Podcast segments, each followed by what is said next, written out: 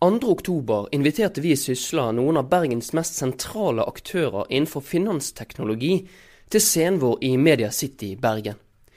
I denne episoden serverer vi Sysla Live finansteknologi i sin helhet.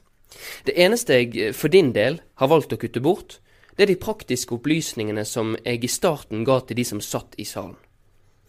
Du vil merke at jeg noen steder i denne podkasten henviser til storskjermen vi brukte under arrangementet. Og det er ikke ideelt for deg som bare lytter til Sysla Live, men det er nå engang sånn at podkasten som format har noen åpenbare begrensninger på dette punktet. Jeg er sikker på at du forstår. Før vi kjører i gang, så må jeg også nevne at vi et godt stykke ut i Sysla Live fikk merke det bergenske høstværet på sitt aller friskeste. Det betyr at lyden noen steder er preget av styrtregnet, men med unntak av på ett tidspunkt, som du skal få høre litt seinere, så hørte i hvert fall jeg hele tiden hva som ble sagt av deltakerne. God fornøyelse.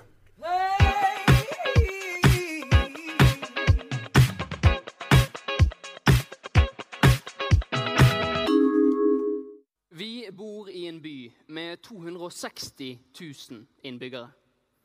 Hvorfor i all verden skulle Bergen kunne bli en ledende by på noe som helst? I kveld skal vi møte noen som har troen.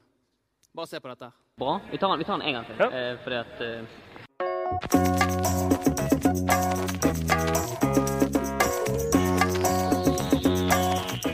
Fordi vi har de miljøene som faktisk skal til for å få det til. Fordi at vi har et utdanningsmiljø, en finansklynge og et teknimiljø i Bergen som er unikt. Vi har alle ressursene som skal til. Vi er utfordrere. Fordi vi som den beste og raskeste handelshøyskolen i Norge klarer å samarbeide utrolig tett med finansmiljøet. Vi har en vilje til å lykkes sammen med utdanningsinstitusjonene. Vi har eh, et finansmiljø som ikke er for stort og ikke for smått. Fordi at vi bruker den oppskriften vi har brukt når vi har etablert de andre gode klyngene vi har i Bergen. Vestlendingen har vist i det siste at vi er ekstremt omstillingsdyktige. Fordi det finnes nok mennesker i denne byen som er gale nok til å tro at vi faktisk kan få det til.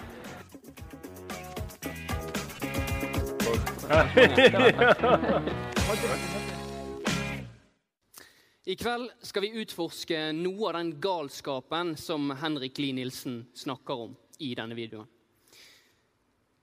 Mine damer og herrer, hjertelig velkommen til tidenes første Sysla Live her i Media City Bergen. Mitt navn er Chris Ronald Hermansen, og jeg er journalist i Sysla. Kan virkelig Bergen bli en by som man internasjonalt forbinder med finansteknologi? Og hvis man legger til grunn at svaret på det er ja, hvordan skal vi i så fall få det til? Bergen og finans det er ingen ny kombinasjon. Helt siden middelalderen har Bergen vært en, et sentralt handelssentrum både i Norge og i Norden. Helt frem til 1980-tallet var posisjonen som finansby helt uovertruffen. Men så begynte det å skje noe her mellom de syv fjell. Store og tunge finansaktører og finansselskaper pakket sammen sakene sine og dro fra Bergen. Juli 1994 så ble det så gale at Bergens Tidende slo alarm. Med dette oppslaget så viste de en tendens som hadde utviklet seg over tid i Bergen. Finans-Bergen krymper. I årene etter så har mye gått riktig vei i Finans-Bergen. I dag jobber det om lag 6000 mennesker i byens finansnæring. Og posisjonen som nest største by i Norge er helt tydelig kun passert av Oslo. Ganske nøyaktig halvannet år etter at Bergens Tidende hadde dette oppslaget, så sitter det en ung mann på gutterommet sitt på Flaktveit. Han eh, fyller ut noen stiftelsespapirer som han skal sende til Brønnøysundsregistrene. Bare 18 år gammel så etablerer han sitt første selskap, Reaktor. Og siden den gang så har pilene stort sett bare pekt én vei for vår første gjest. Mine damer og herrer, det er en glede å introdusere Henrik Lie Nilsen.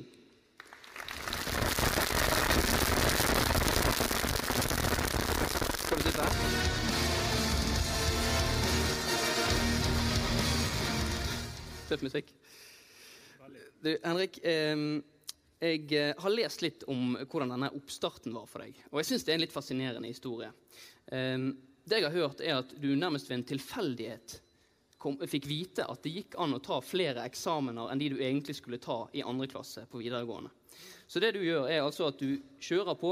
Du får gå ut av videregående med et snitt på 5,5 et helt år før du egentlig skulle gjort det. Og det du har fortalt meg, er at det er rett og slett fordi at du ønsket å komme i gang.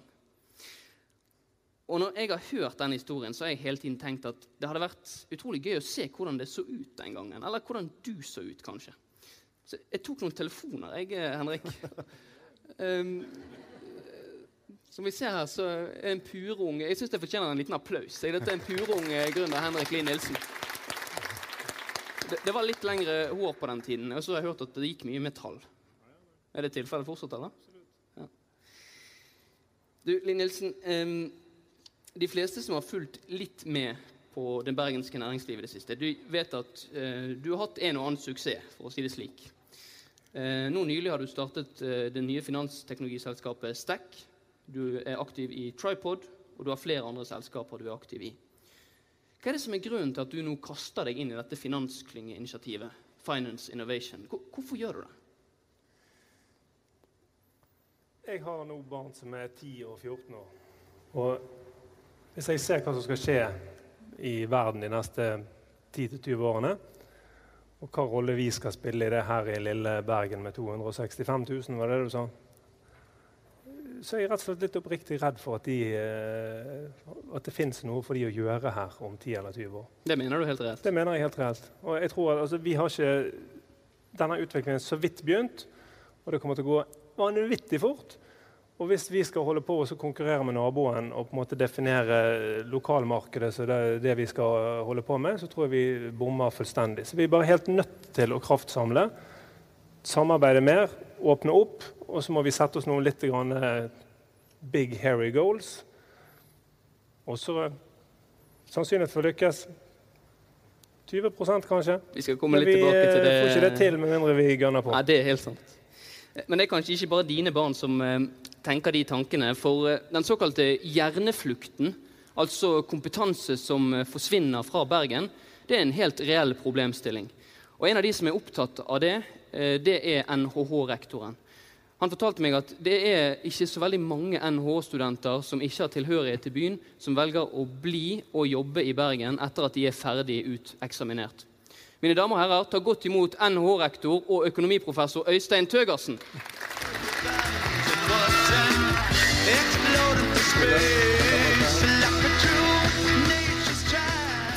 Jeg, jeg, la merke til der borte at du lo litt godt når jeg tok opp det bildet av Henrik.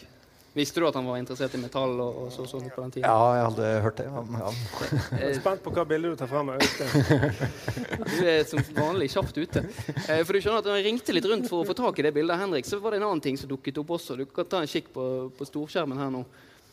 Um, jeg hører at du er ganske bilinteressert ja, ja, det er riktig. Det. Sånn, uh... jeg, jeg, må bare ta det. det, hvis, hvis, det er noen her i salen som, er, som er like lite bilinteressert som meg, så kan jeg fortelle at dette er en Alfa Romeo Guilla. Og da TV 2s bilredaksjon, denne Brum-redaksjonen, testet denne bilen, så var det denne overskriften de leverte. Endelig, vi har testet verdens raskeste sedan, Taugassen. Er det din? Ja, ja. ja det, det, stemmer det. Men uh, det gjør meg til verdens raskeste rektor, da.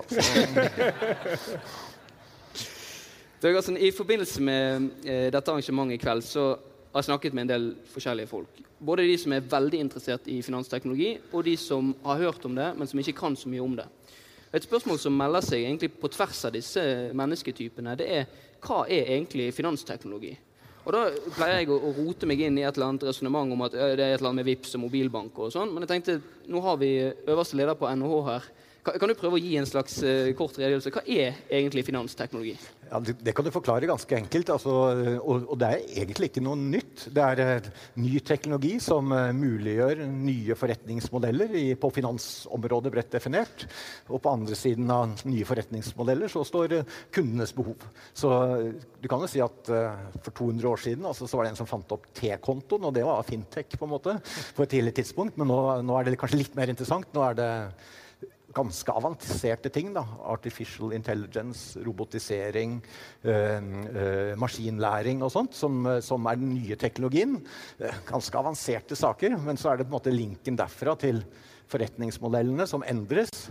Og på den andre siden der så står det noe kundebehov, som er å få ting enklest og smoothest mulig. Da. Så det er en ganske interessant link mellom ting som er veldig avansert på den ene siden, kan være veldig avansert, og gjøre ting veldig enkelt på den andre siden. Det, det kan være mye, høres ut som. egentlig. Det kan være veldig mye, ja. ja. Um, du har sittet i rektorstol siden mars i år, relativt fersk. ja, ja siden 1. august, så det er ganske ferskt. Ja, riktig. ja. uh, og noe av det første du gjør, det er å kaste deg inn i dette initiativet. Finance Innovation, Finansklyngen. Hvorfor gjør du det? Nei, fordi det er det eneste rette for eh, en handelshøyskole med ambisjoner. Så, så eh, NHH ønsker å være en spiller i, i den internasjonale ligaen. Vi ønsker å bli eh, best i Norden og, og, og av de bedre i, i Europa. Eh, og da er relevans stikkordet. Og relevans det får du når du samarbeider tett og interagerer med, med næringslivet. Eh, bank og finans og sånn, som vi alltid har gjort, men også på tech og, og, og, og ting som vi forbinder med fintech. Så det var en ekstremt enkel beslutning å, å hive seg på i dette. Det er ikke bare utdanningsinstitusjonene som eh, merker denne utviklingen. Det gjelder også for de etablerte finansmiljøene i byen. Som styreleder i Finance Innovation og leder for et av Bergens mest sentrale finansselskap, Sparebanken Vest, så tar han tyren ved hornet. Ta godt imot leder i Sparebanken Vest, Jan Erik Skjerpeseth. The times they are a-changing spilte vi der. Det var litt lavt, men det passet ganske fint, syns jeg. Nå er Trekløveret samlet her. Dere er noen av de mest sentrale i hvert fall i Finance Innovation-miljøet. Så jeg tenkte jeg skulle gi ordet til deg nå, styreleder. Hva er Finance Innovation, og hva skal dere få til? Nei, Vi har jo lyst til å prøve å skape et økosystem i Bergen som samarbeider mye mer enn det vi har gjort innenfor eh, finans og teknologi. Eh, Og eh, ønsker å lage en plattform som gjør at vi kan klare å få til noen internasjonale suksesser. Utgangspunktet mitt er jo at vi er verdens mest digitale nasjon, men vi evner ikke å eksportere noe av den teknologien. Og det tenker jeg at vi må i hvert fall gjøre et forsøk på og se om det er mulig å få til. Det som ligger i det du sier nå, eh, betyr nødvendigvis at dere kommer til å samarbeide mye mer med det som kanskje før har vært rene konkurrenter. Fienden, om du vil. Er det riktig? Helt riktig. Jeg mener at vi i finansnæringen i Bergen har snakka altfor lite sammen. Og det hjelper jo lite at vi har eh, 6000 ansatte i finans når vi ikke får til kompetansedeling og teknologideling, og det har vi vært altfor dårlig eh, til historisk, er min eh, oppfatning. Akkurat på det punktet der så har finansnæringen mye til felles med mediebransjen. Mange vil nok kunne hevde at eh, det er finansbransjen og medienæringen som har møtt de største konsekvensene på bakgrunn av digitalisering, i hvert fall så langt. Utfordringene har skylt mot mediebransjen i årevis. Utfordringen fra digitale giganter. Nedbemanningsrunde har fulgt nedbemanningsrunde. Og noen har sågar snakket om vaklende forretningsmodeller. En som har sett eh, behovet for samarbeid, han har faktisk gått så langt at han har flyttet inn med konkurrentene. Det er vår neste gjest. Vi er veldig glade for å ha med oss sjefredaktør i Bergens Tidende, Øyulf Hjertnes.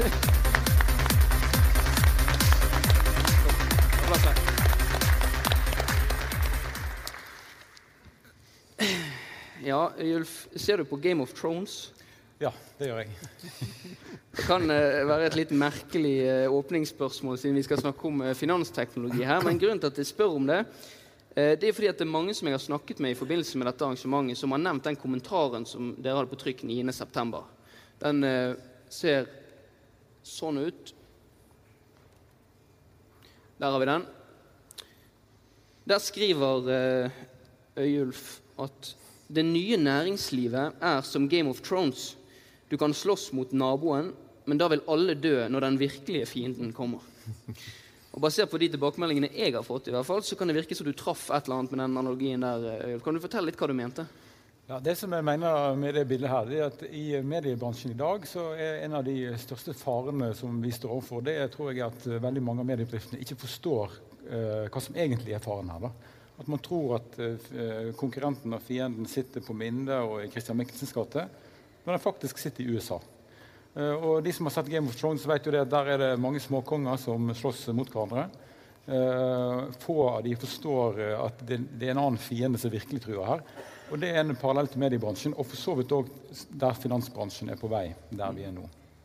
Du er jo sjøl uteksaminert fra NHH. Du sitter faktisk her med en av dine tidligere Ja, forelesere. tidligere forelesere. Husker du det? Ja, han var uh, Ja, det skal, Skjønte det var talent. Og det, sånn, ja.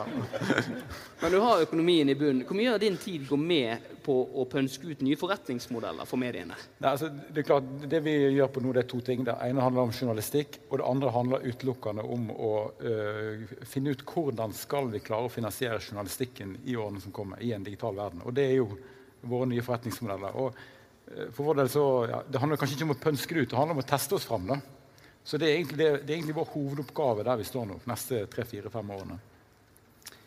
Øyulf, du skal eh, bli med oss eh, videre, men nå skal vi gå litt nærmere inn på det som dere tre spesielt skal jobbe med fremover. For som sentrale aktører i Finance Innovation så skal dere altså Export enabling services and technologies to the world, som det står så pent på, på nettsiden. Og Vi skal straks komme inn på hvordan de skal eh, klare det.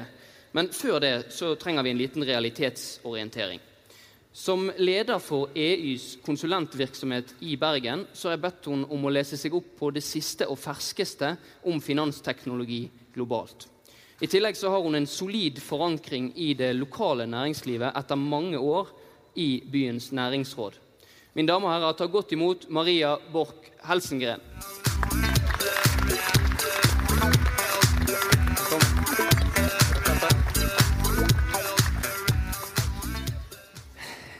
Innser når jeg skal spørre deg om det nå at det er litt dårlig gjort, Maria. For det er kanskje verdens største spørsmål. Men hvordan ser det ut der ute i verden når vi kommer til finansteknologi?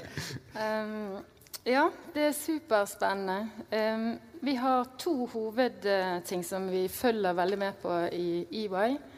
Uh, og det ene er jo hva gjør kundene og konsumentene. Så vi har da en uh, stor undersøkelse av 22 000 konsumenter i 20 land, der vi ser på eh, tar de i bruk finansteknologi. Eh, og fra, vi, eh, fra undersøkelsen i 2015 da var det 16% av disse kundene som hadde brukt tjenester fra Fintex i, eh, to ganger de siste seks måneder. Det var nå doblet i neste undersøkelse i 2017, som akkurat um, vi er ferdig med. Utviklingen går vanvittig fort, virker det som. Ja, og 50% av de kundene hadde brukt betalingstjenester. Eh, og dette er ikke, Det var ingen nordiske land med i undersøkelsen, så dette er land som, som vi ofte tenker på er kanskje treigere enn oss når vi er på ferie i en del av disse landene. Så, så, så, vi, så bruker de sjekk og må møte personlig når de skal tegne forsikring. Så det går kjempefort. Det er utvilsomt veldig mye som skjer. En ting, Da jeg ringte deg første gang hvis jeg bare, hvis jeg, ja, ja, vær så god. Ja, og så, en ting til, så følger vi med på tallene. Hvor store er investeringene? Hva skjer? Eh, hvor store verdier går inn i denne sektoren? Eh, og her, her verserer det mange tall. Eh, med sånn type rundt 19-25 milliarder dollar i 2015 og 2016 ble investert i Fintex. I, alle, I, de to kvartalene i 2017 så er det allerede eh, globalt investert 12 milliarder kroner. Og de så, Det som er spennende, da, det er det at eh, en større og større andel blir investert i euro, europeiske fintechs. Eh, og nesten 25% av de i første halvår 2017 ble investert i Europa. Eh, og I siste kvartal så var de to største europeiske investeringene i Sverige. Eh, Eh, Permira investerte 250 millioner dollar i Klarna, som, eh, som da ble verdsatt til 2,5 milliarder dollar. Eh, så det, det ikke bare investeres det, men det bygges jo store verdier i disse selskapene. Det andre var i Bima, som er et mikroforsikringsselskap i Sverige. Det, som er, litt synd, nært oss dette skjer. Ja. Det som er litt synd, av 500 millioner dollar investert i 14, 15 og 16 så er det bare dessverre 2,5% i Norge. Og det er jo der vi eh, ser potensialet. Ja. Eh, og må bygge. det dere kanskje tenkt bygge. å gjøre noe med, tipper jeg. Um, da jeg ringte deg første gang for å spørre om du ville være med på dette, Helsengren, så opplevde jeg deg som veldig entusiastisk, og det ble jeg selvfølgelig kjempeglad for. Og så bet jeg meg merke i en ting du sa. Um, for du sa at du så litt på denne finansklyngen som din baby også. Og det bygget jo nettopp på den eh, bakgrunnen du har fra Bergens næringsliv. Men eh, da jeg gikk inn på Næringsrådets, nei, eh, beklager, Finance Innovations nettside og så på medlemsoversikten, så var det en ting jeg stusset på. Jeg, jeg finner ikke dere i EU. Nei. Hvorfor ikke det? Uh, nei, det er et godt spørsmål. Uh, når jeg kom tilbake til finansbransjen etter å ha vært i TV 2, som, der vi har vært med på å bygge denne fantastiske klyngen vi sitter her i dag, eh, så var det bl.a. fordi å bygge eh, finansgruppen vår i eh, EY. Så vi, eh, nå sitter jeg jo her med ledelsen i Er Finansklyngen. Så vi er klar for å er bidra med vår kompetanse. Ja. Da har vi ordnet det i kveld, i hvert fall. Ja. Da, folkens, er panelet fulltallig. Jeg syns vi skal gi dem en liten applaus når de er på plass her også. Jeg har lyst til å begynne den videre diskusjonen med et spørsmål, eller en innvending, som kan dukke raskt opp når man hører om målene deres. Så jeg stiller det til deg, eh, Skjerpeseth. Er det ikke litt naivt å tro at dette kan gå?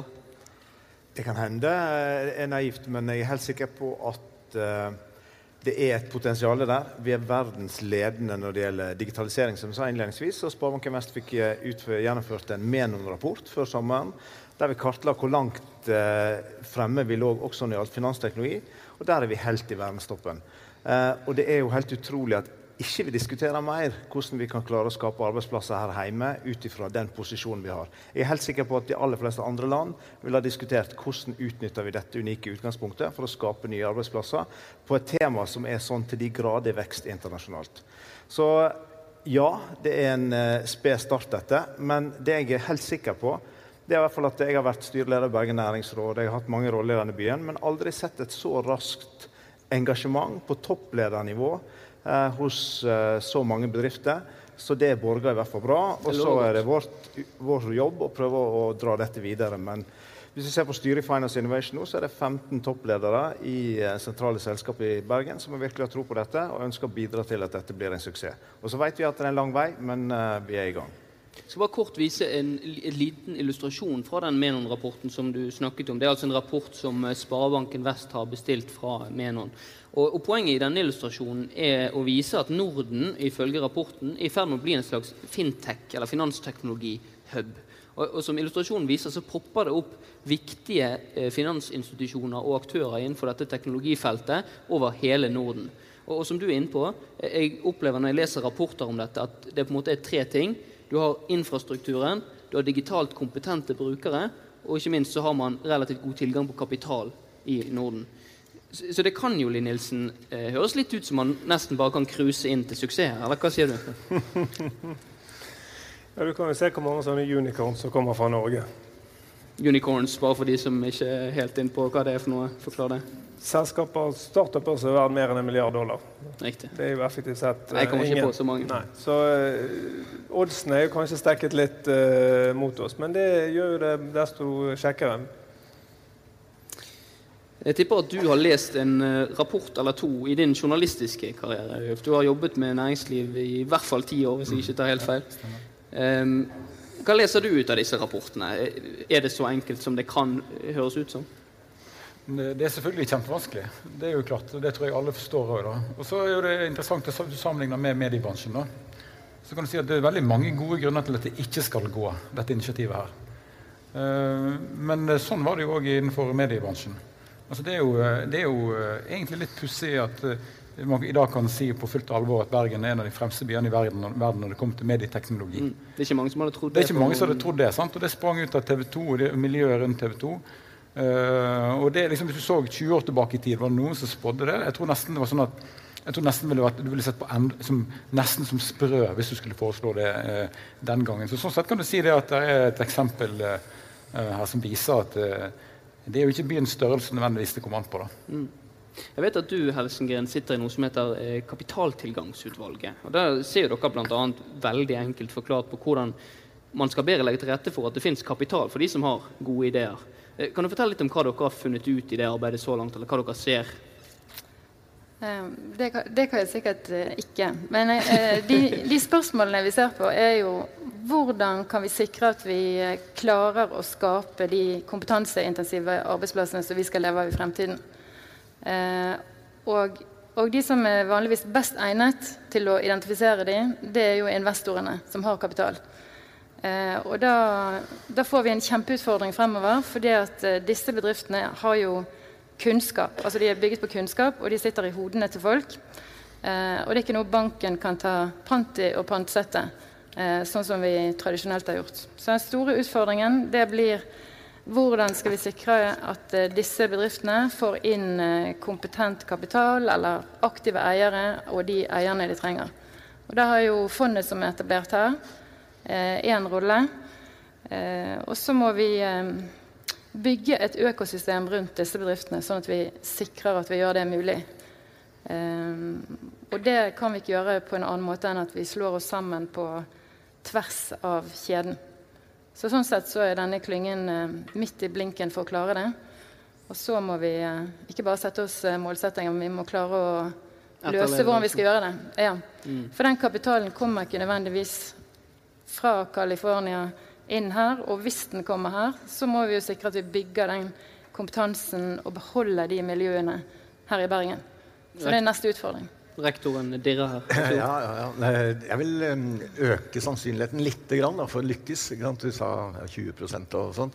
Jeg vil øke den ja, 20, ja, ja, du er 120, eh, Men øke sannsynligheten litt. Og vi får litt hjelp av, av makrobildet. ikke sant? Og det er egentlig tilbake til Henriks åpningsmerknad om liksom, hva skal barna våre leve av. Det, og det spørsmålet er eksakt uh, riktig stilt på denne tiden, fordi vi har levd på liksom, oljesektorens vekst og fremgang gang, og nå vet vi at den går ned. Eh, og da vil det være omstilling. Det vil bli ledige ressurser, ledig kapital, og det skal et sted.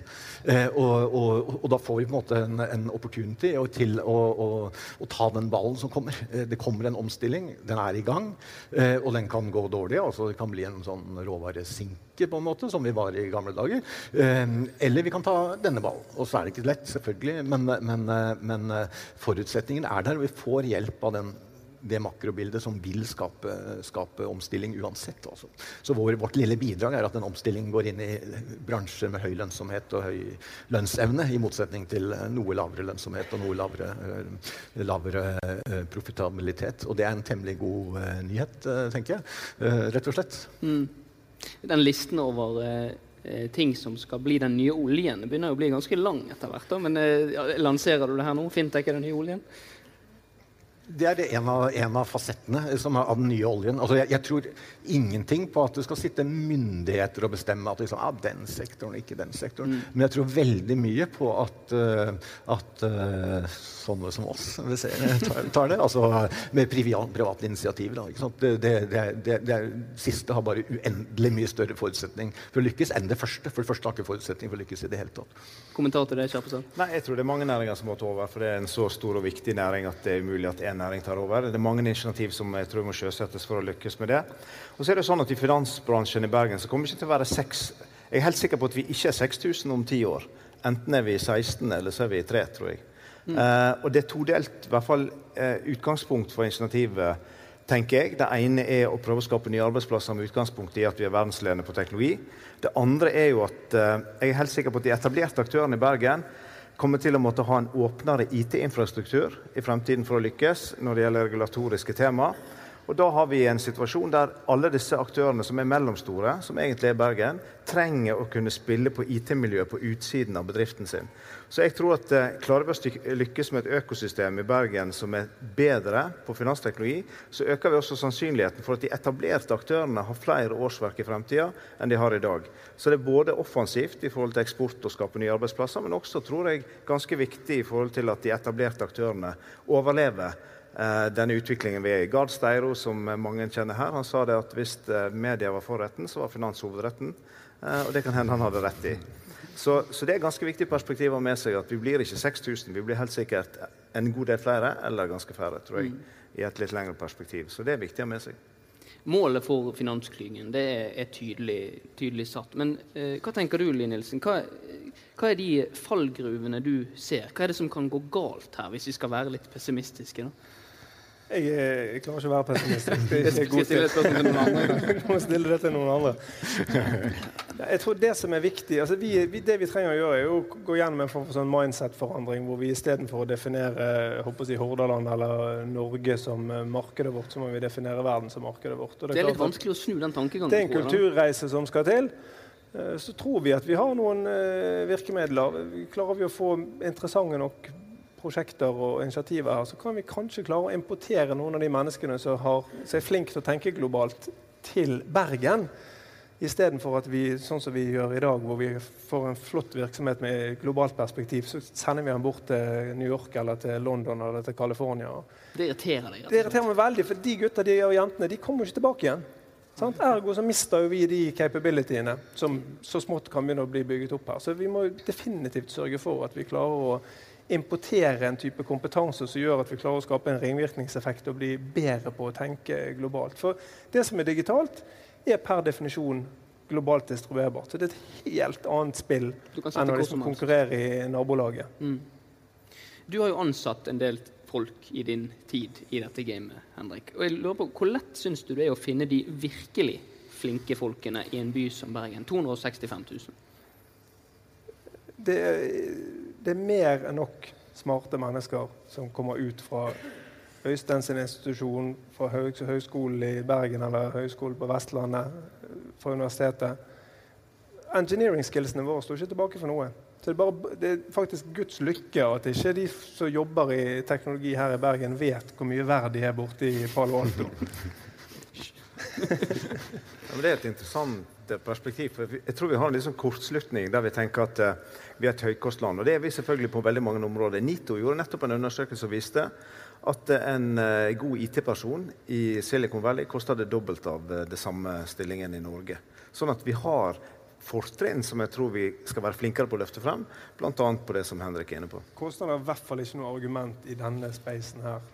det høres jo litt rart ut for meg. Jeg har hørt flere som sier det samme. Men, men altså, vanligvis så hører vi hele tiden om hvordan eh, norsk arbeidskraft er dyrere, så vi må på en måte være flinkere. Og det har jeg tenkt at det må jo være Uansett hvor flink du er, så må det være en konkurranseulempe. Men det er rett og slett ikke sant. Det er jo ofte i sånne næringer hvor eh, håper jeg, du har ti fly og elleve piloter. Da er det typisk problematisk å være pilot. Sant? Men mm. i denne næringen er jo, det er jo globalt sett mangel på veldig flinke folk her. Så man kan jo velge å vrake.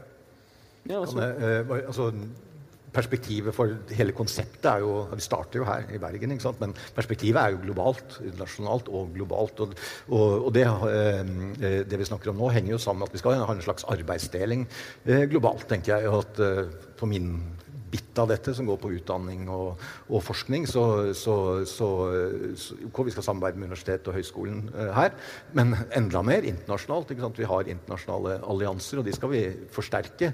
Uh, og sånn tenker jeg også på, på, på utviklingssiden og i, i bedriftene at, uh, at alt skal ikke være her i Bergen. Noe skal ut. Kanskje ikke så mye som det har vært, men at det er en interaksjon av, av, av, globalt med, med, med, arbeidskraft inn og ut av den norske klyngen, på en måte, er en viktig del av å være en klynge med globale ambisjoner.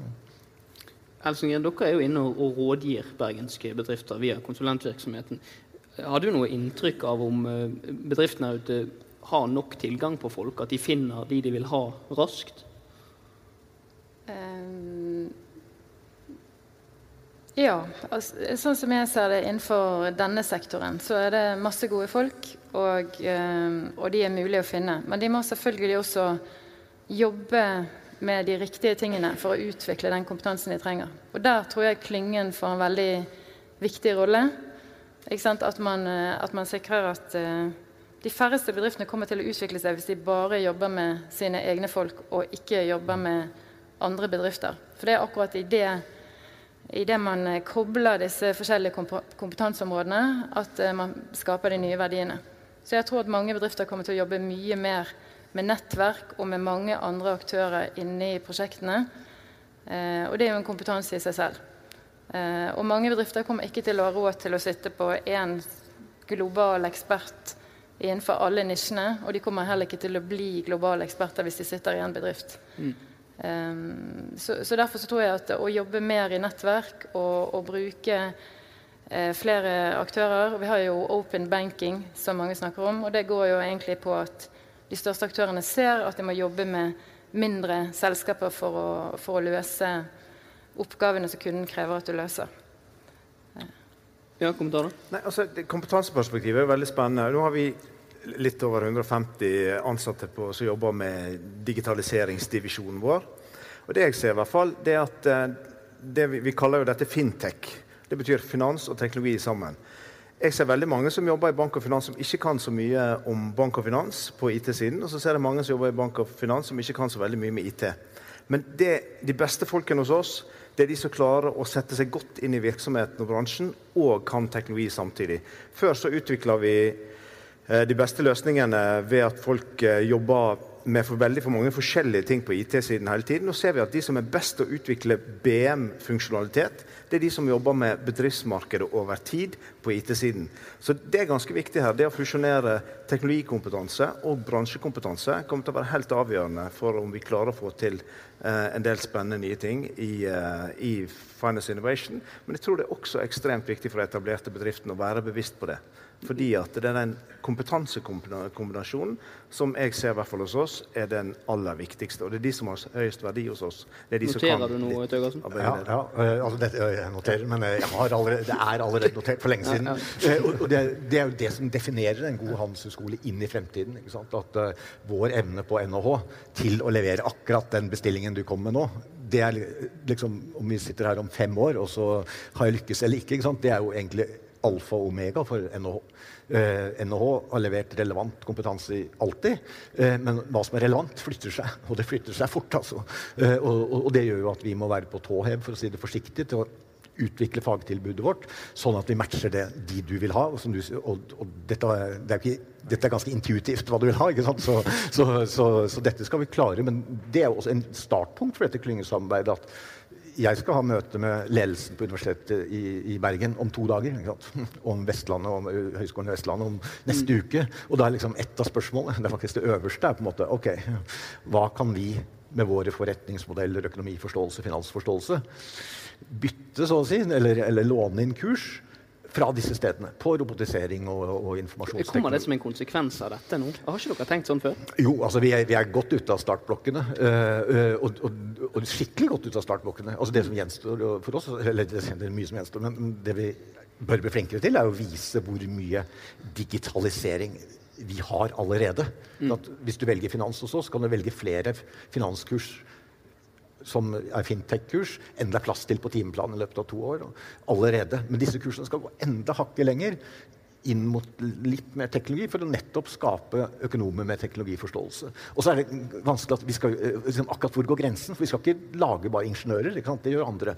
Men vi skal lage de som har akkurat skreddersydd det du vil ha. ikke sant? Det, Og der har jeg lyst til å, ja, men der har jeg lyst til å gi altså, Dette har jo aldri kommet så raskt opp å gå hvis det ikke hadde vært for hans, altså NHO, som har vært veldig positive her. Og Vi hadde jo styring, styremøte her i forrige uke, og en av de tingene vi diskuterte der Jeg vet ikke om jeg avslører en hemmelighet, men, nei, eh, er jo en executive MBA i fintech. Så det bare og den hadde vel ikke kommet uten dette initiativet her. Så det, vi ser jo allerede at at den, den kom direkte som initiativ. Ja, men jeg er ser utover her, så er det en del som kan trenge litt etterutdannelse. Så, så.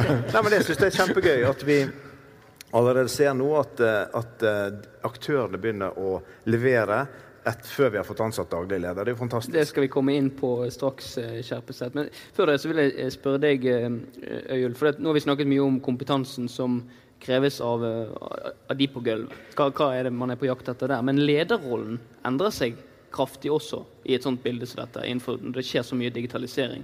Og som medieleder så blir man nødvendigvis også endringsleder, i mitt inntrykk i hvert fall. Hvordan merker du dette? Jeg merker det altså på den måten at eh, eh, medieledere i dag er mindre hierarkiske. Mindre command and control-type lederskap.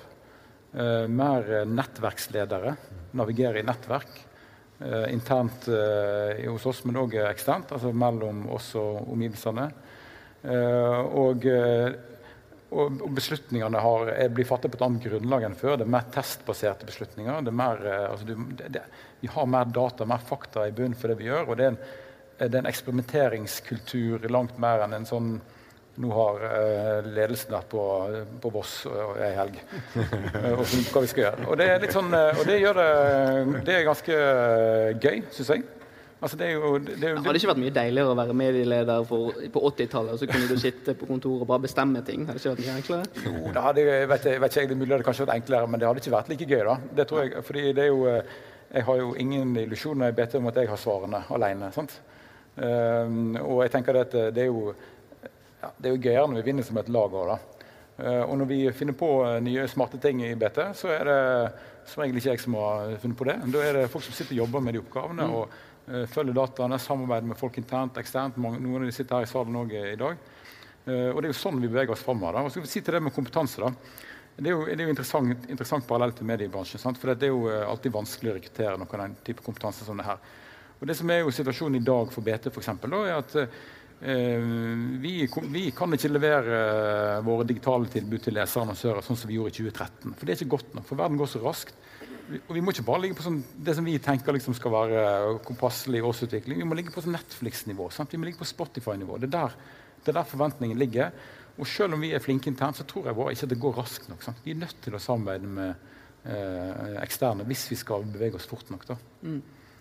Så da tror jeg at den type måten å tenke en klynge og det som Maria resonnerer veldig godt om, det tror jeg er veldig veldig god vei og videre for etablerte bedrifter som ikke for, rett og slett får risikere at vi ikke står fast i fortida vår. Mm.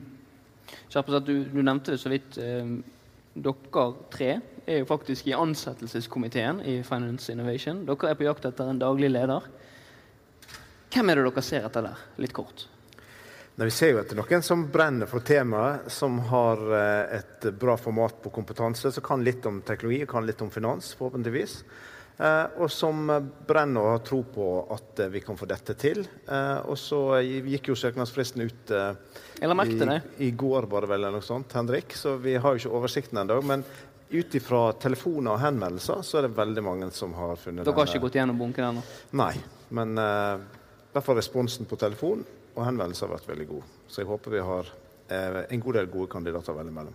Når har dere bestemt dere? Jeg tror Henrik har litt bedre innsikt i søkerlisten enn jeg har. Du har slukket litt? ja. Er det noen av de som sitter her, som har søkt? Det er kanskje Henrik.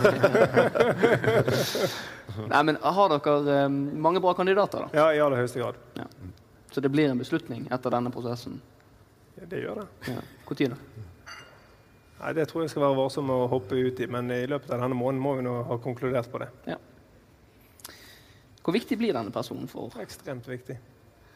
Make or break? Ja, Det er på grensen til make or break. Ingen press der, altså? Nei. vi skal skifte sånn at, eh, Vi kan legge til at vi forhåpentligvis så klarer vi å få til mer enn ett årsverk her. Vi, vi har jo uh, søkt om en NCE-status, og så er det veldig ambisiøst. Vi er jo ambisiøse i denne klynga, så vi går rett på en NCE-søknad. Men om vi skulle få det til, så vil det jo uh, også gi rom for uh, litt mer kompetanse enn én en ressurs. Og ja. Det tror jeg vi er avhengig av skal vi få dette til å, å fly ganske raskt. Vi skal eh, snakke litt om noe som dere som er i finansnæringen er veldig opptatt av, vet jeg, men som de som er utenfor den lille boblen, kanskje ikke har så god oversikt over. Det er fire tegn. PSD2. Revised Service Payment Directive. Det er et nytt EU-direktiv som regulerer betalingstjenester i det europeiske markedet. Og Før vi kommer inn på de uunngåelige konsekvensene, fordeler og ulemper med det, så har jeg eh, bedt deg om hjelp, Li Nilsen. Eh, for de som ikke vet hva PSD2 er. Scenen din. ok.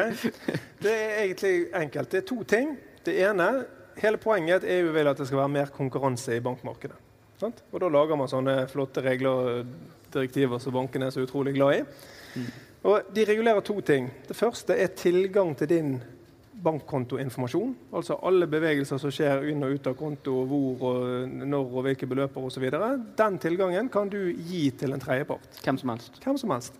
Mm. Sånn at uh, hvordan har det vært frem til nå? Da, da er det kun bankene Det er jo kan... bankene som har tilgang til det. Nå er det på en måte dine data, det er ikke bankene sine data. Riktig. Og Det endrer spillereglene litt. Så det betyr mm. at hvem som helst kan lage løsninger som spiller på dine data. Mm. Uh, og kanskje betyr det at bankene får, potensielt kan bli mindre relevant for sine egne kunder fordi det popper opp konkurrerende på en måte, systemer som maker sense av de eh, dataene bedre enn det bankene selv. Evri sier i en rapport som jeg har lest, at eh, PSD2 vil endre bankvirksomheten slik vi kjenner den, og at det vil føre til betydelige økonomiske utfordringer for bankene. Er du klar for det? Ja. Så godt som mulig, i hvert fall. Men det er jo ingen tvil om at det vil endre bank og finans veldig. Og jeg tror at, uh, at det vil poppe opp nye aktører. Og veldig mange av bankene må passe seg for å ikke bli råvareleverandører der noen andre legger seg på toppen, og blir det brukervennlige brukergrensesnittet der du samler alt. Mm. Uh, den posisjonen må vi ta. Eh, og Det vil kreve ganske masse av oss på utviklingssida. og Derfor så tror jeg òg vi er avhengig av utviklingskapasitet på utsiden av banken, og ikke utvikle alt sjøl. Så det er litt av utgangspunktet også for Finance Innovation. Og det interessante i den konteksten er at i og med at det er et EU-regulativ Hvis du da løser et eller annet i, det norske markedet bare tuftet på det regulativet, så trenger du ikke være rakettforsker for å forstå at da kan du rulle det ut i andre land i Europa. Mm. I og med at dette her er kan si, regelverket er harmonisert. i anførselstegn. Men så tror jeg man skal være varsom med å tro at det blir innført fra 1.1.2018. Man skal være veldig forsiktig med å tro at hele bankbransjen blir snudd opp ned. Det kommer til å være masse eh? dragkamp med sikkerhetsstandarder. og Skal bankene få betalt for å gi tilgang til dataene? Skal de ikke få betalt? og Kan de ta gebyrer? og Det kommer til å bli enormt mye sånn kjemping mot tyngdekraften. Mm.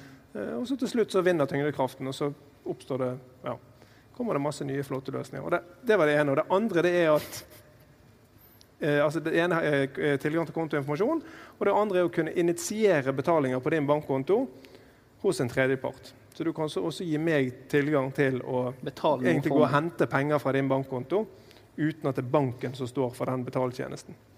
Og da kan du tenke deg sånn at Når du får en faktura på e-post, så betaler du fakturaen i fakturaen, ikke i nettbanken. Og igjen så står banken i fare for å bli mindre relevant Mm. for, for kundene sine. sant? Du trenger ikke lenger nettbanken for, for, for å betale den. Du kan gjøre det direkte der det skjer. Helt rett.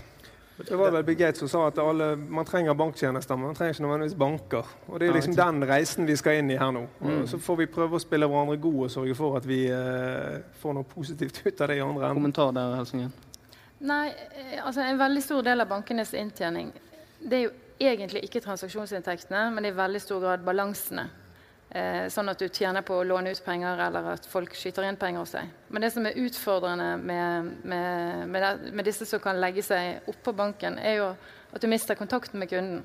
Og Kundene er jo mindre og mindre lojale ofte. Så hvordan, når du ikke har de innom deg, de, er, de besøker deg ikke, og de er ikke på nettsiden din, hvordan skal du klare å lime kundene til deg? Eh, Så det skaper, det skaper utfordringer også, kanskje, da, og endringer i konkurransebildet på hvor låner du penger til huset ditt, og hvor setter du pengene dine inn. Altså, kan jeg kommentere kort? sant? Altså, Øyulf kjenner jo til det. sant? At Finn Torg er ganske viktig for trafikken for de andre betalbare tjenestene på Finn. Eh, og Sånn er det jo også i bank og finans. at eh, Betalingsformidling er jo trafikkgeneratoren på mobilbanken og nettbanken. Og Hvis kundene våre begynner å godkjenne e-fakturaen et helt annet sted enn i mobilbanken vår, så mister vi ganske mye. Så Det er jo jeg veldig redd for. Men vi må den, vi må jo tørre å ha den konkurransen også. Altså, nettopp, Jeg sitter i styret i VIPS, og vi har nettopp eh, inngått eh, et partnerskap i VIPS-samarbeidet. Og det er klart at det er jo ingen tvil om at eh, vi kommer til å konkurrere med VIPS om trafikk. sant? Altså VIPS kommer til å ha funksjonalitet ganske raskt, der du kan godkjenne e-fakturaen i VIPS, samtidig som vi eh, vil legge til rette for at du godkjenner e-fakturaen. Og litt lenger frem i veien så vil du kunne godkjenne e-fakturaen din i veldig mange flater. Det vi må sikre oss, det er jo at eh, verdiforslaget vårt, altså brukeropplevelsen hos oss, er minst like god som på VIPS og de andre aktørene som vi kommer til å konkurrere med. Hvis ikke kommer vi til å miste trafikk, og alle vet betydningen av data i fremtiden. Så dette blir et veldig veldig spennende fremtidsbilde, der eh, jeg tror genuint på å bygge opp inhouse IT-kompetanse, som gjør at vi klarer å ha den der miksen med bransjeinnsikt og teknologikunnskap, som gjør at vi klarer å levere verdiforslag som er minst like gode som de nye aktørene. Men Det blir vanskelig, men det er utfordringen. Men der har jo dere et ansvar også for å gjøre ting inhouse. For man hører jo historier om oppgaver som blir satt ut til utlandet. Hvordan ser dere i Sparebanken Vest på det?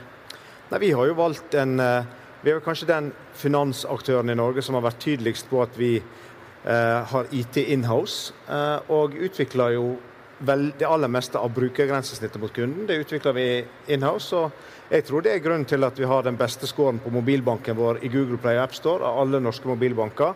Det er at vi har utvikla dette Mm.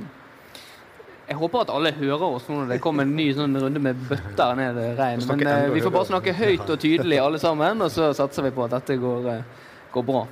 Eh, Øyulf, jeg tenkte på dette med eh, at direktivet får jo betydning for personkundemarkedet. Eh, og når man får da muligheten, sikkert med enkle grep kan jeg se for meg at det blir, når gigantene kommer, at man kan gi opp data om seg sjøl. Ser du som, som journalist holdt jeg på å si, noen personvernutfordringer i dette bildet? Det, det er klart at det er. Og det, er jo, det som du kan jo bli litt mørkeredd av her, er jo den koblingen av eh, f.eks. bankdata med alle dataene som Facebook, Google type har. da. Da begynner det å danne seg et litt sånn, da kan du bli litt mørkeredd. da. Eh, så kan du si det på en positiv side her, da, så er jo det eh, det, at bank, det at banken sin makt i dag blir utfordra, det er jo bra. Eh, og så kan du også si at for denne byen og denne klyngen sin del, da, fordelen med å lykkes i et sånt marked som det, er jo det at du selger ikke bare til Bergen og Hordaland, du selger til hele verden. Sant? sånn at Skalerbarheten gjør det utrolig spennende hvis du faktisk lykkes. da. Mm. Også for, og for enkeltpersoner, for meg og deg som bankkunde, så tenker jeg at det er jo òg en, eh, en rett vi har til å bestemme over, over våre data. Eh, Man kan sikkert problematisere det at ja, men du, vil du forstå hva du egentlig gir deg ut på her, osv. Det kan godt hende at det, det dukker opp spørsmål rundt det. Men at, men at det er en mulighet eh, for selskap som ikke nødvendigvis er bank i dag, definitivt. Fra en eh, Ja, ja gjerne. Jeg vil bare eh, fortsette litt eh, og, og dra dette inn mot reguleringsspørsmål. Da, fordi her kan nok skje ganske mye spennende og også problematisk. At det er en politisk risiko egentlig knyttet til den fasen vi går inn i nå. Fordi tyngdekraften går mot deregulering. Bredt sett deregulering. Men det vil komme politiske responser, og det vil komme institusjonelle responser i ulike land. Altså det frem av personvernhensyn eller, eller hva bekymringer reguleringsmyndighetene måtte ha. Og det som historien har vist, er jo at i perioder med stress i, i, i reguleringssystemene Vi kan gå tilbake til 1980-90-tallet her i Norge, det er lenge siden, ikke sant? med kredittliberalisering og sånn. Det blir stress i banksystemet. Og når det blir stress i banksystemet, så, så blir reguleringsmyndighetene veldig ivrige. Og veldig ivrige reguleringsmyndigheter er ikke så bra, for da blir reguleringene kan bli ganske dårlige. Altså. Og litt sånn paniske. ikke sant? Og det kan nok skje nå, for at du kan eh, få, få, få store utfordringer der. Da. Det, er mange som snakker om eh, trusselen fra Facebook og Google, som vi har vært inne på her. Og eh, en av de tingene som du sier, Henrik, at PSD2 åpner for, er at kunder om ganske kort tid i teorien vil kunne bruke en Facebook- eller Google-konto til å utføre transaksjoner, etter det jeg har forstått. Og Hva skjer da, eh, Kjerpeseth, den dagen Facebook lanserer noe à la Facebook Bank, hvis det var det de skulle finne på å kalle det? Hva skjer med Sparebanken Vest da? Nei, jeg håper at vi skal klare oss, men det, men det er klart at eh, det er jo, På ene siden så må ikke vi undervurdere disse nye konkurrentene. På den annen side så, må ikke vi, så har erfaringen vist også at eh, jeg får ikke et Uber-moment i alle bransjer. Det blir litt det som i Silicon Valley kaller 'death by a thousand cuts'. Det kommer noen å ta litt og litt av verdikjeden din, og til slutt så sitter du igjen med for lite. Men, men jeg tror altså, så Se på Vipps. Vipps starta jo som venne-til-venne-betaling. men nå er jo utfordringen å lage VIPS til 360 graders betalingsmotoren din, fordi at vi tror at eh, kunden ikke har lyst til å ha flere forskjellige digitale lommebøker, men ønsker å ha én lommebok. Så vår utfordring blir jo å klare å, bygge totaltjenester. Det spørsmålet var ikke skulle ikke vi svare på. Jeg hører helt ærlig ikke hva du sier. Jeg tuller ikke lenger. Jeg får bare vente. Jeg tror at det er en som sitter litt nærmere meg. Hva er det som er alternativet, Linn Nilsen? Hvis, hva er det som skjer hvis finansbyen Bergen ikke klarer å ta en ledende posisjon innenfor finansteknologi? Hva skjer da? Jeg tror det er veldig viktig å tenke altså på en måte skille mellom bankene eller skille mellom Finn og Tech. da. For, Hvis bankene ikke responderer og ikke gjør noe som helst, hvis de bare prøver å opprettholde sin egen posisjon det som kommer til å skje, det er det som Jan Erik kaller for 'death by a thousand cuts'. Altså Kaken som bankene i dag deler seg imellom, den kommer uansett til å krympe. A fordi at transaksjoner og alt dette blir mye mer effektivt, ergo så går marginalkosten på digitale tjenester den går jo mot null sant, over tid. Så kaken blir mindre, og så kommer det garantert globale internasjonale aktører og spiser litt av den kaken. Så sier at vi om ti år så har vi i beste fall 50% av kaken igjen til oss sjøl. Det andre har på en måte blitt effektivisert vekk og spist opp av litt andre. Det vi da er nødt til å få til hvis vi skal unngå den shrink-effekten, det er at vi er nødt til å ta frem mer tech-orienterte virksomheter som tenker ut av Norge, og som går og tar spiser litt kaker i andre land. Sånn at det globale, i det globale bildet, i makrobildet, så får vi en større del av kaken samlet sett. Men i Norge så vil de norske aktørene kanskje få en mindre del av den norske kaken. Og Det er på en måte den globale dynamikken. Og det kommer aldri Sparebanken Vest til å gjøre på egen hånd. For de har på en måte definert at de er på Vestlandet og Hordaland og kanskje i beste fall nasjonalt. sant? Da må vi lage andre arenaer. Joint venture-initiativer. Vi må på en måte konfigurere oss litt annerledes for å kunne ha mandat og, og ambisjon til å tenke utover uh, Norge og Bergen. Jeg noterte meg at dette begynte da du begynte å snakke om PST2.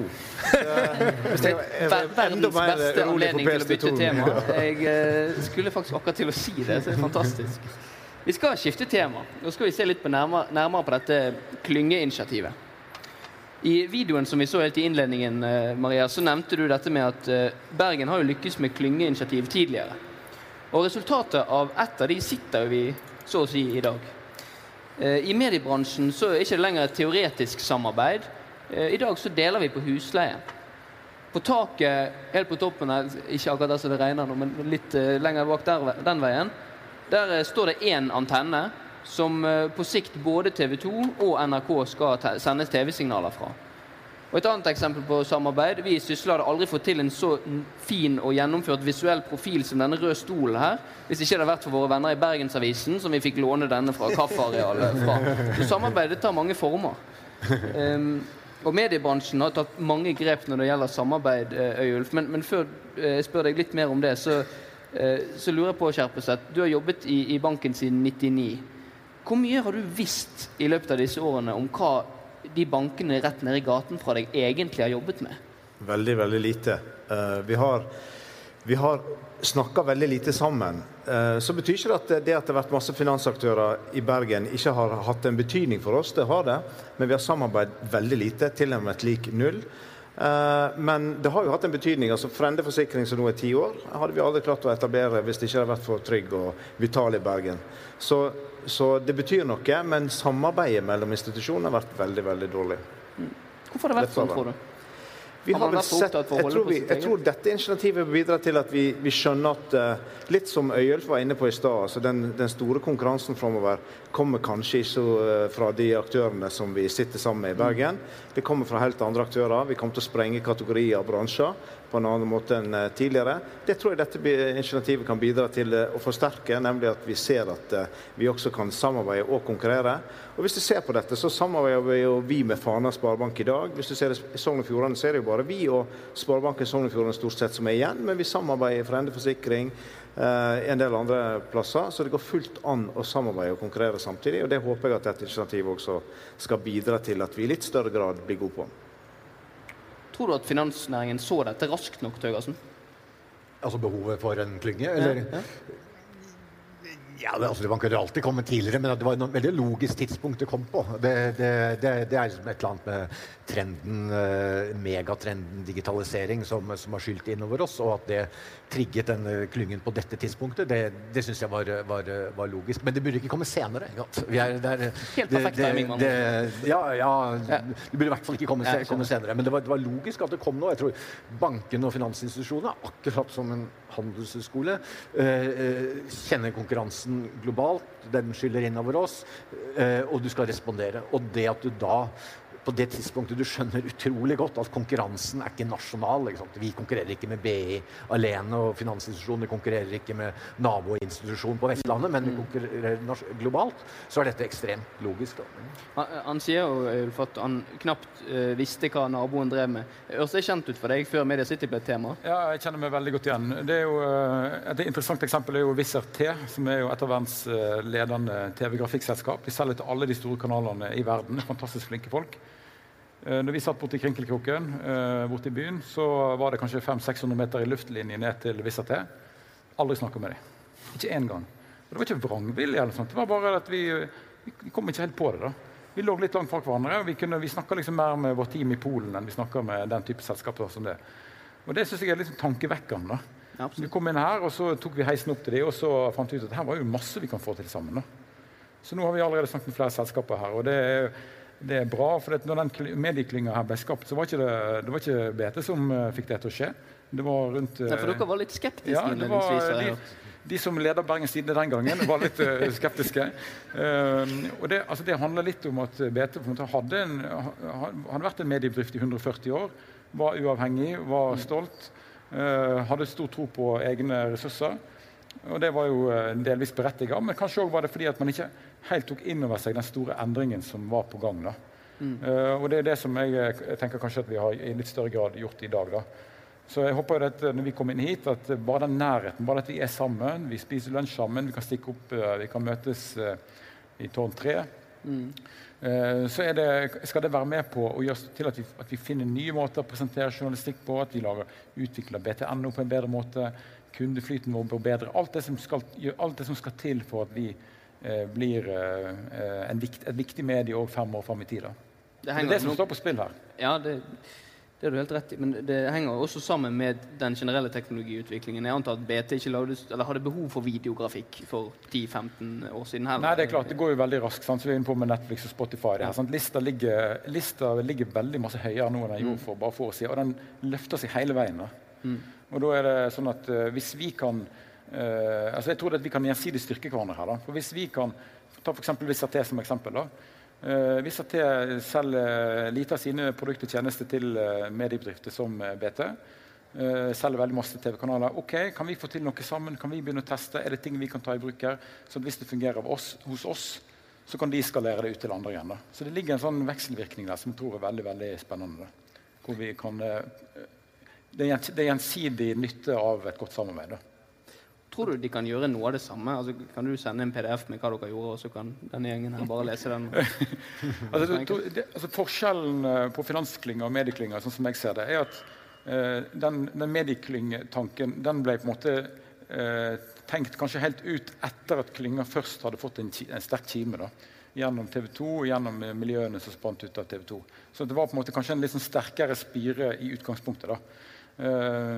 Det er kanskje en forskjell, da. Ja, for dere har ikke et sånn eh, kroneksempel å vise til, hvis jeg ikke tar helt feil. Altså, dette samarbeidet TV 2 viser til, det, det, blir jo på en måte en slags ledestjerne for andre. Eh, har man noe tilsvarende innenfor finans i Bergen etter, etter ditt syn? Uh, nei, men vi er jo helt i starten. Sant? Vi er jo så vidt mm. starta. Jeg, jeg, tror det Øyulf er inne på, det å bruke de etablerte aktørene som utviklingsarena, og så skalere teknologien etterpå uh, ute, det tror jeg at vi har begynt å se begynnelsen på. Vi samarbeider med Fiken på regnskapstjeneste. Skandiabanken har kjøpt et, eh, et nytt selskap, eh, f.eks. Vi kommer til å se masse mer av. Vi samarbeider med Stekk i Brage, f.eks., som, som Henrik er inne i. Dette kommer til å skje masse mer av, og jeg tror det er et unikt utgangspunkt. Mange av disse aktørene i Bergen er ikke større enn at vi trenger utviklingskapasiteten på utsiden. som jeg har sagt flere ganger. Det betyr at de kan bruke oss som utviklingsarena, og så kan de gå ut og prøve å skalere teknologien etterpå. Og så kommer det ikke til å være sånn at Sparebanken Vest har 20 sånne initiativ gående til enhver tid. Men hvis alle aktørene kanskje har tre, mm. eh, og er villige til å funde med litt kapital etterpå, noe som vi i hvert fall er kommentert til, eh, så kan det bli noen veldig spennende initiativ etter hvert. da. Mm. Du var jo litt inne på det. Ja, en... det, det, som ofte er jo interessant, f.eks. innenfor mediene, litt sånn som uh, Jan Erik Kjerpseth er inne på her, så handler det om det første spørsmålet du får uh, når et lite oppstartsselskap skal ut i verden og fortelle deg at nå må Nederland kjøpe uh, de tingene her, og Belgia og hvor det skulle være, det er sånn OK, hvem andre bruker det? Hvordan fungerer dette her? Mm. Sånn, og det er klart at Hvis da et selskap kan bare stikke bort til Jonssonskvartalet til, til Jan Erik og gjengen der og se dette her har de rulla det ut på Vestlandet. Dette funker, dette ser bra ut. Da åpner verden seg. Sant? Og Det er det litt som har skjedd med f.eks. Vissat, og der ligger det en veldig kraft. Mm. Jeg tror jo også, hvis vi, hvis vi, ser på de fintechene som har, som har, fått, um, som har vokst og blitt uh, veldig store, så, så, så, er det jo ofte i markeder der det er én eller to vinnere. Altså Du har sånn Klarna og PayPal f.eks. Ehm, så det er ikke så mange selskaper som, eh, som tar forbrukermarkedet i hver, eh, i hver nisje. Eh, så mange av fintechene vi kommer til å se, de kommer til å levere til bankene eller til forsikringsselskapene eller til andre finansinstitusjoner. Små biter av tjenester som, som går i dybden, og som mange trenger. Og Da blir akkurat det kundeperspektivet superviktig. At at noen av de kan få jobbe med å teste tjenestene sine eh, med eh, aktørene. Og vi har jo masse aktører. Og vi har Norwegian Hull Club, vi har sjøforsikring. Vi har, vi har masse aktører i bransjer der det kommer til å skje mye. Så akkurat den måten å jobbe på med kundesiden, det har jo vært utgangspunktet for Visati, TV 2, Vimon, Mozart, de selskapene som har vært rundt TV 2. At de har hatt en stor kunde eh, på hjemmemarkedet. Så Klarna er nevnt flere ganger. Det er, ganske, det er noen lærdommer av Klarna. Det er å starte smalt og så eskalere. Nå har de søkt om For de som ikke vet hva Klarna er, kan du bare kort fortelle? Ja, Klarna er jo et betalingsselskap som sikkert veldig mange kjenner igjen etter å handle på nettet. Eh, som egentlig starta med en eh, mail med faktura i e-mailen, som ikke er veldig teknologisk avansert, men eh, eh som gjorde at de kunne begynne å vokse. Og De starta ganske smalt, og nå har de søkt om bankkonsesjon og henta inn kapital og kommer til å bli en, en spiller i det nordiske bankmarkedet. Men det er noen lærdommer der. Sant? Starte smalt, eh, og så må det eskalere etter hvert på nye områder. Sant? Det tror jeg eh, gjør at et miljø eh, la vår størrelse ikke er noe hemsko. Det andre Ja. Så, så ja, det er egentlig det, det viktigste. Mm. Det er å starte smalt uh, og skalere etter hvert. Men jeg tenker at Det der skaper en utfordring også for de etablerte aktørene i et marked. Jeg, jeg dekker jo teknologi på Sysla. Jeg kommer ofte i snakk med eh, mennesker som har ansvar for den digitale utviklingen av selskap. Og, og La oss ta f.eks. innenfor eh, law-tech, som det kalles, juridisk teknologi. Der ser man nå at det popper opp eh, mindre selskaper, startups, som digitaliserer eh, deler av eh, advokatvirksomhet som tidligere har krevd eh, menneskelig arbeidskraft. F.eks. å sette opp en samboerkontrakt. Sånne, sånne ting som man kan intuitivt tenke at kan digitaliseres. Og når jeg snakker med de som har ansvar for dette i de store, litt mer eh, etablerte advokatselskapene, så ser jo de helt klart det på, som en utfordring hvis en, et lite selskap kan komme inn og automatisere en enkelt del av virksomheten sin, og så vokse på det. Så, så da tenker jeg, Hvordan skal dere som er de tradisjonelle og de, de store i det bildet, da, eh, angripe det når det kommer slike mindre selskaper fra utsiden? Jeg tenker at uh, Fiken, for eksempel, som er en sånn regnskapstjeneste mm. uh, Vi er nødt til å samarbeide med disse aktørene i mye større grad enn det vi har gjort uh, tidligere. Så jeg tenker at det, det er ikke en, et stort konkurranseforhold som gjør at dette er veldig truende. Og vi må tåre konkurranse. Altså litt av utgangspunktet, Nå kom jeg på det jeg skulle si når det gjaldt. Klarna. Grunnen til at Klarna fikk lov å vokse Eh, det er ganske interessant. Det var jo fordi at de etablerte aktørene ikke lykkes med betaling på nett. 29% av alle betalingstransaksjoner på netthandel ble avbrutt fordi at eh, det var tull med betalingsprosessen. Og da kunne en aktør få lov å vokse seg stor på papirfaktura holdt jeg på å si, i e-mailboksen, som egentlig var Klarna sin uh, første forretningsidé. Så det handler jo veldig masse om å klare å sikre oss at vi henger med i timen. Hvis ikke vi klarer det, så kommer disse nye aktørene til å ta markedet vårt. Og vi må gripe disse samarbeidsselskapene med åpne armer for å klare å tette de hullene som vi ikke klarte når det gjaldt uh, Klarna. Mm. Eh, det er ganske sånn spennende næringslivsdynamikk. Du ser eh, konturene. Synes jeg at uh, Spennende er jo ikke samme som at den er behagelig, nødvendigvis. Fordi, men, men spennende fra et universitetsperspektiv eller høyskoleperspektiv. At uh, de store aktørene vil kanskje mye altså, trinn for trinn blir utfordret av små, aggressive eh, startups uh, som har liksom et, et spisst fokus. Mm. Uh, og, og det, denne dynamikken tror jeg du vil se veldig tydelig fremover. og det er jo egentlig det som skal til for at du får høy produktivitet og, og, og høy lønnsomhet. og og i det gode scenarioet som vi tror på, så var det så 16 000 mennesker i finans i Bergen om, om, om, eh, for, eh, ja, om fem år. Eller ti år, kanskje. Ja, fem år. Eh, så, så, så, så, vil nok færre av de jobbe i de store etablerte institusjonene, og flere av de i, i startups. Da. Og, og, det er litt sånn når vi lager strategi på NHH akkurat nå, mm. så har vi ok, her skjer det noe, liksom, noe stort. fordi vi har jo tradisjonelt sendt som sagt hundrevis inn i EY og KPMG og DNB og de store selskapene. Ikke, når vi ser litt fremover, så ja, nå må vi tilpasse programmet vårt. Vi ser en mye større andel starte for seg selv, være veldig opptatt av startups. Når Henrik holder gjesteforelesning hos oss, så er det jo ivrige folk som står igjen og Hvordan gjør vi dette her? Vi har en god idé. Eh, og liksom, her, her, her må vi lage produkter som lager flere Henriker. Da. Ja, det sitter en del studenter i, i salen her, bare, Hva, hva, vil du si til de? Hva, hva, er det de må bli flinke til hvis de skal gjøre sånn at ungene dine har en grunn til å bli i Bergen? for å si Det sånn? Det er et metaspørsmål. Nei eh, Jeg har jo eh, kan vise 800 slides om det. Men det, det handler jo litt om å a, være faktisk guts og tørre å ikke gi opp. Og det, det, det, som er paradoksalt, er jo at vi lever i det landet hvor fallhøyden i forhold til å ta risiko er lavest av alle land i hele verden. du kan jo any day of the week når du kommer ut av universitetet, så kan du bare gønne på. Og om du ikke lykkes, så er det bare å lunte tilbake igjen, og så eh, blir du tatt vare på, og så går det deg godt allikevel. Og kanskje det er det også en litt sånn eh, Virker mot sin hensikt, rett og slett, at det færre eh, Ja, tror du det? satser. Jeg, jeg vet ikke. Men Jeg tror at Nei, du må ha litt flaks, og så må du være utfattelig Hva er det de amerikanerne kaller det? Perseverance. Det er ikke, Det kan ikke nødvendigvis anbefales. altså Det er ganske mange Utholden, er eh, Ja, det er mange scenenetter og tenners gnissel, men eh, I videoen eh, Helsingen, litt tilbake til det. Du, du nevnte jo eh, fordelene ved at Bergen har gjort det før. Men eh, hva tenker du helt konkret man kan lære av det at eh, det finnes allerede en maritim, en subsea, en medieklynge i byen? Hva, hva skal man trekke ut av det som finansklynge som er ferskt? Nei, eh, jeg tror det er viktig eh, Eller hvis du ser på, hvis ser på eh, f.eks. den eh, marine klyngen, så har jo de sett at hvis aktørene, der veldig mange har egentlig internasjonale hovedkontor i Bergen, hvis de jobber sammen, så kan de få f.eks. en Aquacloud, så kan de få opp et datasett som kan hjelpe dem å løse noen av de viktigste spørsmålene de har. Sant? Hvordan skal de bli kvitt lusen? Hvordan skal de eh, finne de beste oppskriftene på fôr som eh, får fisken til å eh, bli mest mulig miljøvennlig eh, og vokse raskest mulig med minst mulig ressursforbruk.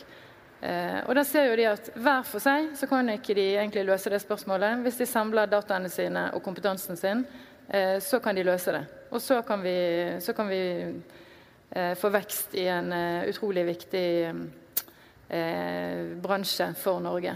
Det fordrer at man er villig til å dele, da. Og det kan jo Ja. kanskje bli en utfordring, eller? Ja, da, da må de dele. Og så eh, eh, og så har jo medieklyngen eh, startet, som, eh, som vi hørte, med et eh, utgangspunkt om samarbeid om, egentlig om kanskje først og fremst få ned kostnadene eh, for å bli mer konkurransedyktig. Og så ser vi, kommer vi helt sikkert til å se mange modeller der man sammen skaper også nye bedrifter og blir internasjonalt eh, mer konkurransedyktig.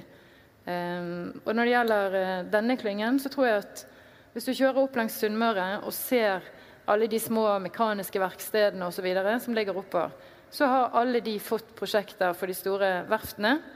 Eh, og de hadde jo aldri fått eh, oppdrag for Hundai eller et eller annet koreansk verft eller eh, japansk verft, i hvert fall ikke, og kinesiske absolutt ikke. Eh, Så der er det masse små bedrifter som har vokst opp rundt de store aktørene. Og nå har vi mange store aktører her. Og, og hvis man tenker egentlig litt mer nettverk, og hvis du har en oppgave du skal løse, hvem er det som kan løse den for oss, der vi får ned våre kostnader og får eh, løst den på en bedre måte, så har vi de bedriftene, og gjennom klyngen så kan vi bli kjent med de.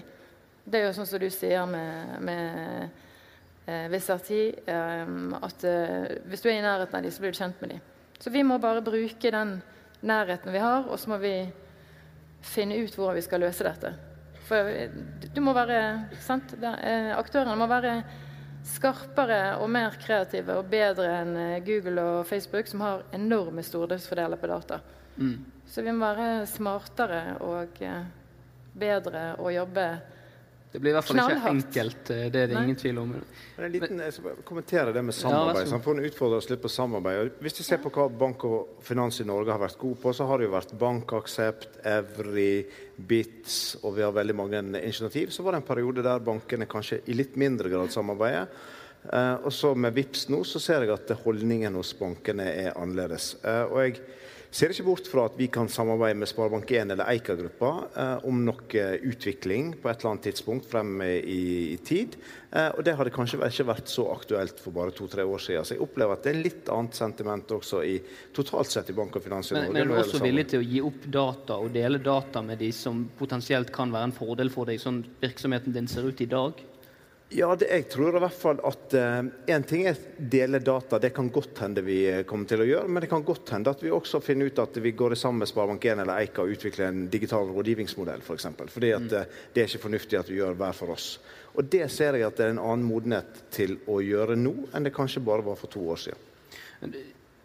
Dere, kanskje spesielt, du er ganske ambisiøs. Når kan vi ha en Sysla Live i Finance City Bergen? Finance Town kan Finance vi begynne med. Nei, men vi er jo flere, altså Det er flere virksomheter som snakker sammen. Som, og Da snakker vi ikke om å flytte store banker, men vi kan, må i hvert fall sørge for at vi skaper noen uh, fysiske arealer hvor vi kan lage en del møteplasser og settinger som, som, blir litt sånn institusjonalisert og er faste. For jeg tror faktisk at uh, altså Bare det faktum at det været vi har her, er sånn som det, det, det gjør oss faktisk altså, det er faktisk negativt i forhold til eh, samferdselsdynamikken og samhandlingsdynamikken mellom bydeler og bygninger. Så vi trenger et eller annet, og det pågår jo prosesser hvor vi flere som prøver å få fatt i egnede arealer hvor vi i hvert fall kan begynne eh, med å ha noen, eh, noen fellesarenaer som, som, eh, som ja. vi starter ut ifra. Men det blir jo eh, Det går nok noen år før vi er på dette nivået her. Det er i hvert fall sikkert. Jeg kan bare legge til en ja, eh, remark på du er kjapp nå, så... med fellesarenaer. At mm. det, det, er jo fellesarenaer for selskaper, men også fellesarenaer for studenter. ikke sant? Og at mm. uh, der antall gründerspirer er kraftig vekst. Det er definitivt ser vi. Og det at våre gründerspirer kan sitte sammen med folk som jobber med robotics, eller hva det skulle være, det, det har jeg ekstremt tro på. da. Mm. Hans eh, studenter må jo times opp med de som går på informatikk og på, oppe på høyskolen og kan uh, lage greiene. Altså, det er ikke verre enn det. Sett smarte folk sammen, og så uh, skjer det magiske ting. Mm. Så vi får uh, ja, Hvis noen har sånn 2000-4000 kvadratmeter midt i byen, så vi kan begynne et sted, så er det bare å sende en mail. snakke med Henrik i baren etterpå. Tiden flyr. Dette har vært veldig gøy. Marit, har det kommet inn noen spørsmål som eh, noen vil stille disse gjestene våre? Det er kommet inn utrolig mange gode spørsmål. Eh, noen av tingene har eh, panelet vært inne på. Uh, allerede. Uh, faktisk Et sånn i forlengelse av det samarbeidet som dere snakker om nå. Det er en som spør om når utdanningsinstitusjonene skal begynne å samarbeide. For eksempel, Eksempelet her var jo da NHH kunne samarbeide med, med, BI.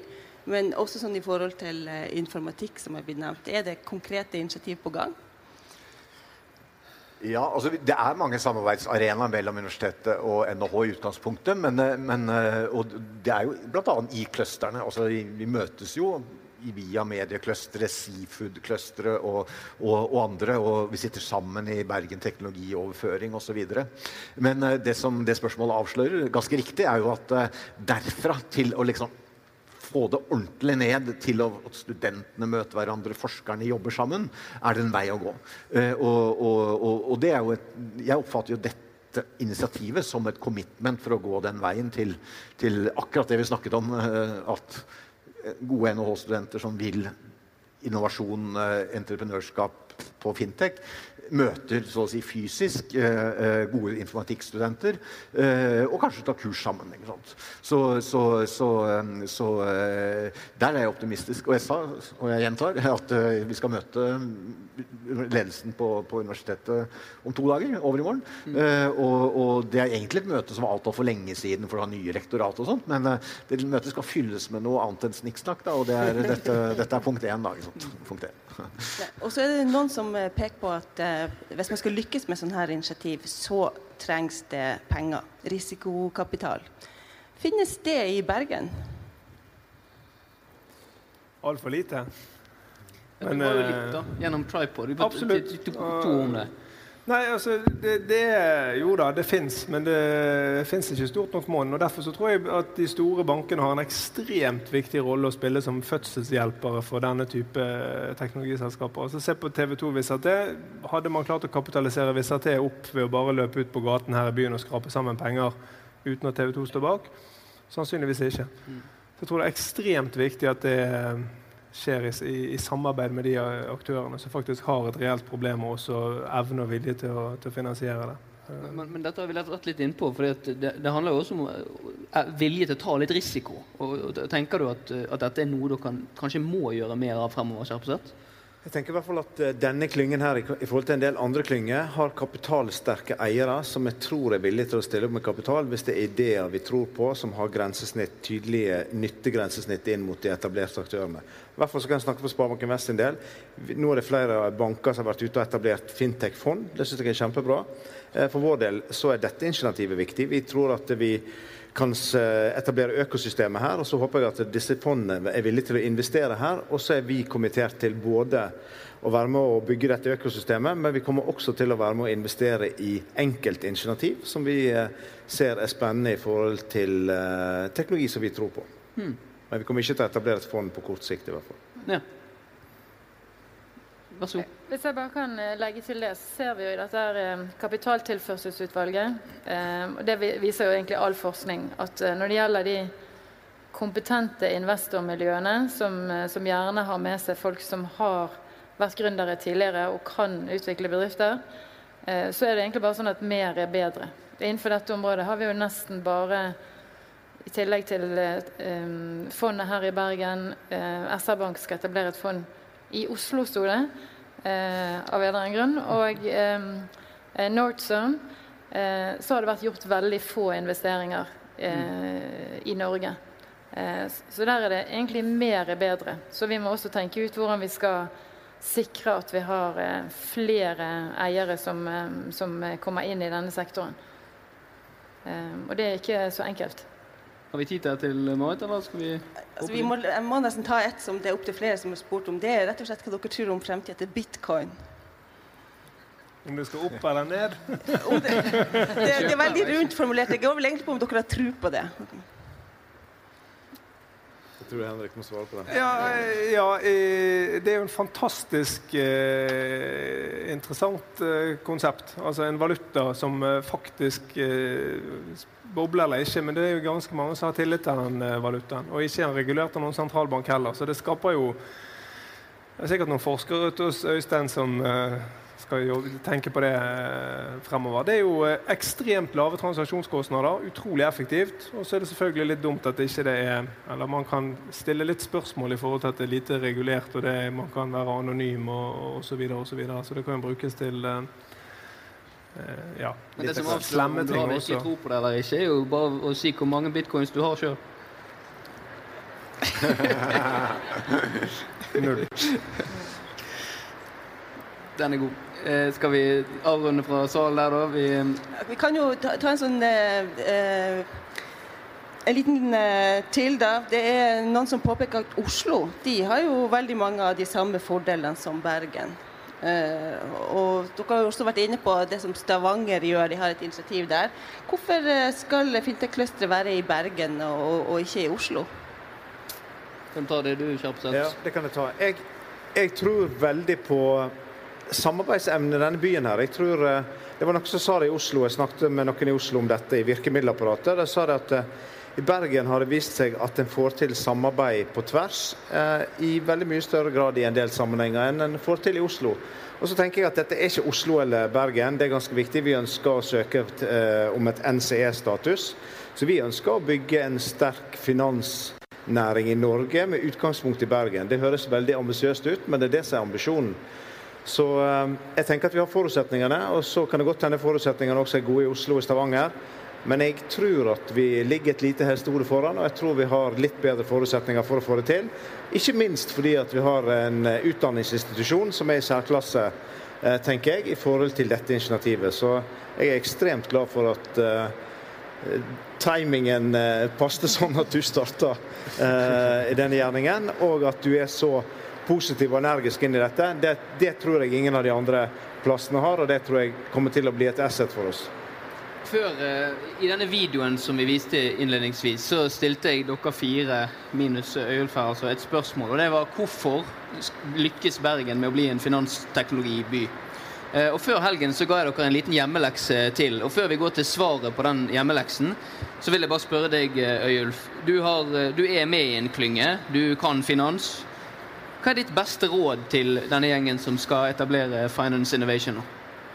Jeg tror det, det er litt, litt, litt vi vært inne på nå. Det tror ikke er så veldig komplisert. For meg handler det veldig om tillit til hverandre. Da. At folk har tillit til hverandre. Og eh, Da handler det om å eh, bli kjent og besøke hverandre og gå på, ha fester sammen, ha fagsamlinger sammen. Eh, og forstå hverandre.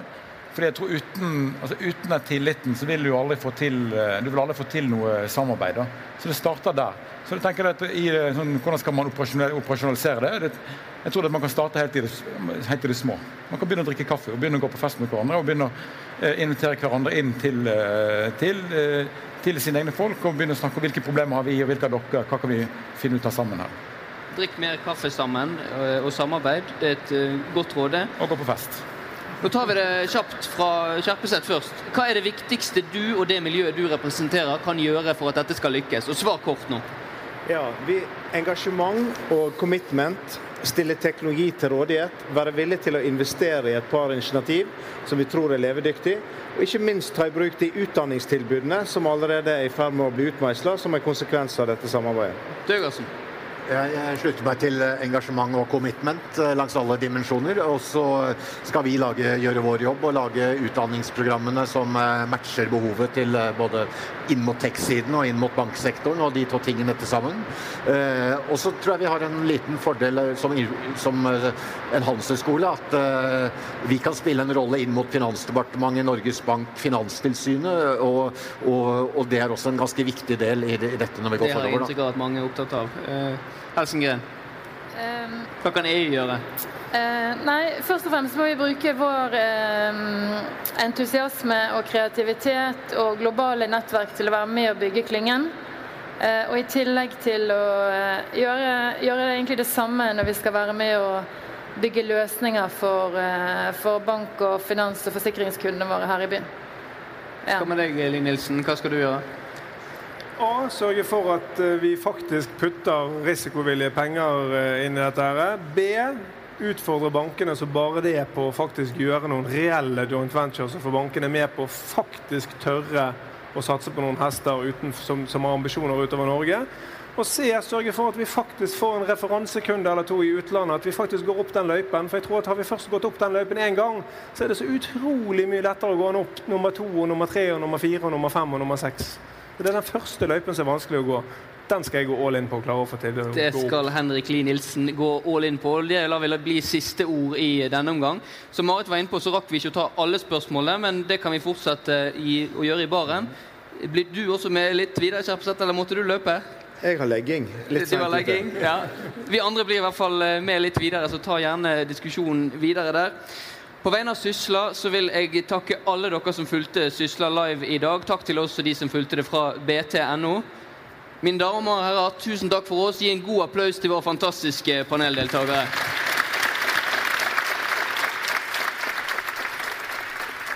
Tusen takk for at du lyttet til Sysla live, et eh, journalistisk format som vi definitivt kommer til å gjøre mer av fremover. Har du et tema, en trend eller et spørsmål som du mener kunne dannet grunnlag for en ny Sysla Live? Burde vi komme til din by og ta opp et tema som er viktig for næringslivet der? Gi oss veldig gjerne en lyd. Du når meg på ronald.sysla.no. Takk for denne gang, og ha en strålende dag.